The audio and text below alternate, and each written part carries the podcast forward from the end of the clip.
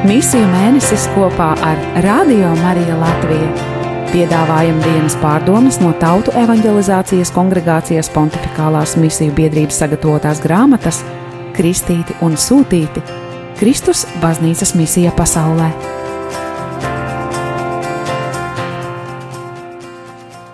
Četrpadsmitais oktobris, pirmdiena, parastā liturģiskā laika 28. nedēļa. Svētā Kalista pirmā piemiņas diena. Svēto rakstu fragmenti. Pāvila vēstule romiešiem, pirmā nodaļa, 1 līdz 7 pāns. Psalmi, 98. psalms, 1 līdz 4 pāns. Lūkas evanģēlijas, 11. nodaļa, 29. līdz 32. pāns.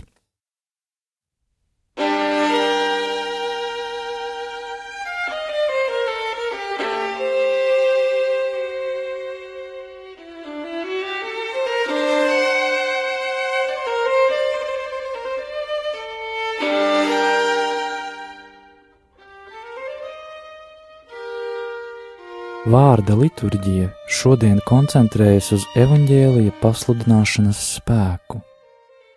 Pasludinātais Dieva vārds ir pestīšanas gaidībās. Mums jābūt gataviem to uzņemt un tajā klausīties.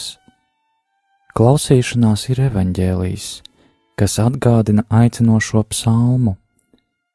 Kaut šodien jūs viņam klausītu, nenocietiniet sirdis 95. psalms, 8. pāns. Pirmajā lasījumā Pāvils iepazīstina ar sevi un savu apustulātu Romas ticīgos, kopienu, kuru viņš neizveidoja, bet kuru viņš ļoti lolo un vēlas, lai tā palīdz viņam Spānijas evanģelizācijas projekta īstenošanā lai iepazīstinātu ar sevi un lai nodibinātu labu garīgo sapratni ar šo kopienu, kuru viņš vēl nav klātienē sastapis, apustulis pārtrauc runāt par savu kalpošanu un savu aicinājumu. Viņa kalpošana Kristum un apustulāts darbam ar pagāniem sakņojas neparastajā viņa izraudzīšanas noslēpumā, saskaņā ar kuru Kristus Jēzus nozīmēja viņu sludināt Dieva evaņģēliju. Pāvila kalpošana ir balstīta uz Kristus vārdu, tiek uzturēta ar Kristus vārdu, un tā dara Kristus vārdu zinām citiem. Kristus ir viņa dzīves centrā. Vēstules romiešiem ievadā ir attēlota dieva pestīšanas dinamika, kas no specifiskā pārtop universālajā. Kristū pestīšanai vairs nav privileģētu saņēmēju, bet tā ir adresēta visiem, pat tiem, kas atrodas tālu.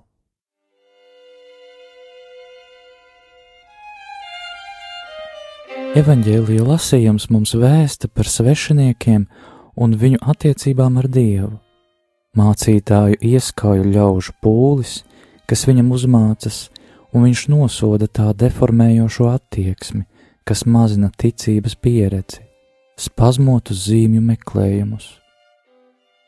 Paudze, kuru Jēzus uzrunā, ir samaitātā paudze, jo tā nepārtraukti prasa ārējus pierādījumus, lai it kā ieslēgtu dievu un viņa pestījošo gribu šauru, automātisku, maģisku cēloņu un seku attiecību parametros, kas ir cilvēka spēka kontrolēti un regulēti.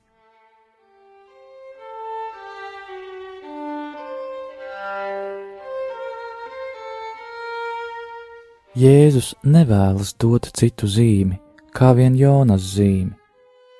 Jonas grāmata ir atrodama vecajā derībā starp pravietiskajām un gudrības grāmatām. Tas ir ziņojums, kuru sniedz pravietis, kurš tiek sūtīts sludināt ārpus Izraēla robežām, Ninīvē, Asīrijas galvaspilsētā, kur bija stipri derības ienaidnieki. Patiesi ārzemnieki visās izpratnēs, un tie, kas vēl ir tālu visaugstākajā pakāpē. Šī negaidītā misija māca Jonam par dieva dedzīgo vēlmi aicināt tos, kas ir tālu, paziņot par viņa piedošanu neticīgajiem un izglābt viņus caur grēku nožēlu un atgriešanos.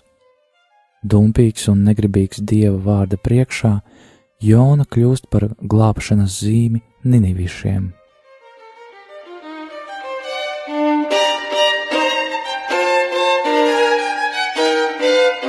Arī cilvēka dēls kļūst par zīmi savai paudzei, par vienīgo uzticamo zīmi. Jau nācaretes sinagogā Jēzus bija atgādinājis, ka Dievs sūtīja savus praviešus Ēliju un Ēlīšu, lai viņi nestu dziedināšanu ne tikai jūdiem, bet pat pagāniem. Tagad viņš parāda, ka viņa atnākšana ir paredzēta lai nestu pestīšanu ne tikai Izrēlam, bet ikvienam.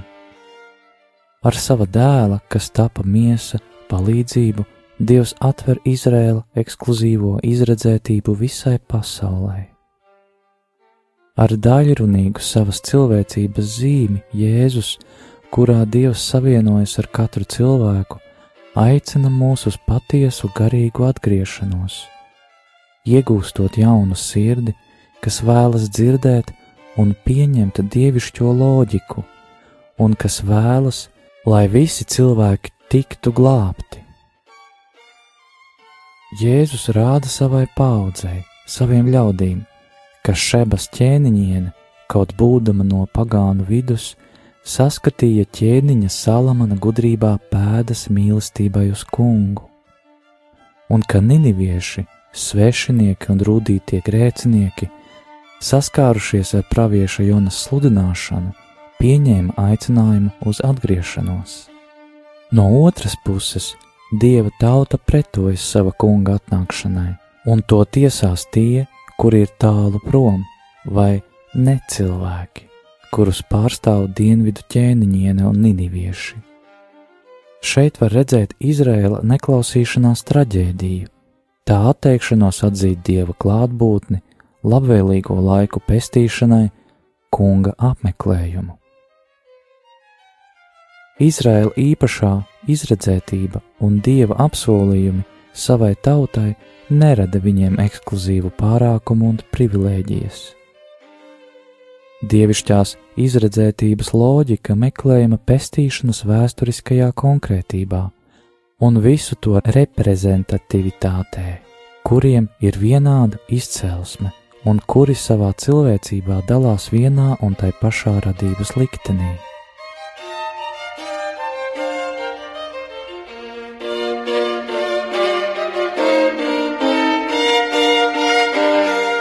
Jona, kura pieredze nonākot vaļa vēderā, ir nepārprotama atsauce uz Jēzus nāvi un augšām celšanos, atspoguļo misijas efektīvu atvēršanu visu cilvēku pestīšanai un tā atrodama baznīcā, tās universālumā un tās sakramentalitātē. Pateicoties Jēzus nāvei un augšām celšanās notikumam, izredzētā tauta un pagāni kļūst par vienu atpestītu tautu, kas caur kristību ir vienota ar kunga ciešanām. Viņu klātbūtne pasaulē, piedaloties Jēzus misijā, ir redzama un efektīva pestīšanas zīme, kas notiek šodien cilvēku sirdīs, bez diskriminācijas vai atraidījuma no dieva puses. Viņa baznīca, universālais pestīšanas sakraments, pastāvīgā misijas stāvoklī, tiek sūtīta pie visiem, saucot visus kopā pie Kristus. Ja tiek piedzīvotas vajāšanas, tā no jauna izjūt savu kunga atpestījošās ciešanas, bet ja tā tiek pieņemta, tā piedzīvo Jēzus lieldienu efektivitāti. Savukārt savu bērnu kristības izaugsmē tā saskata sava kunga, mācītāja un laulātā drauga Jēzus Kristus žēlsirdības un piedošanas dāsnos augļus.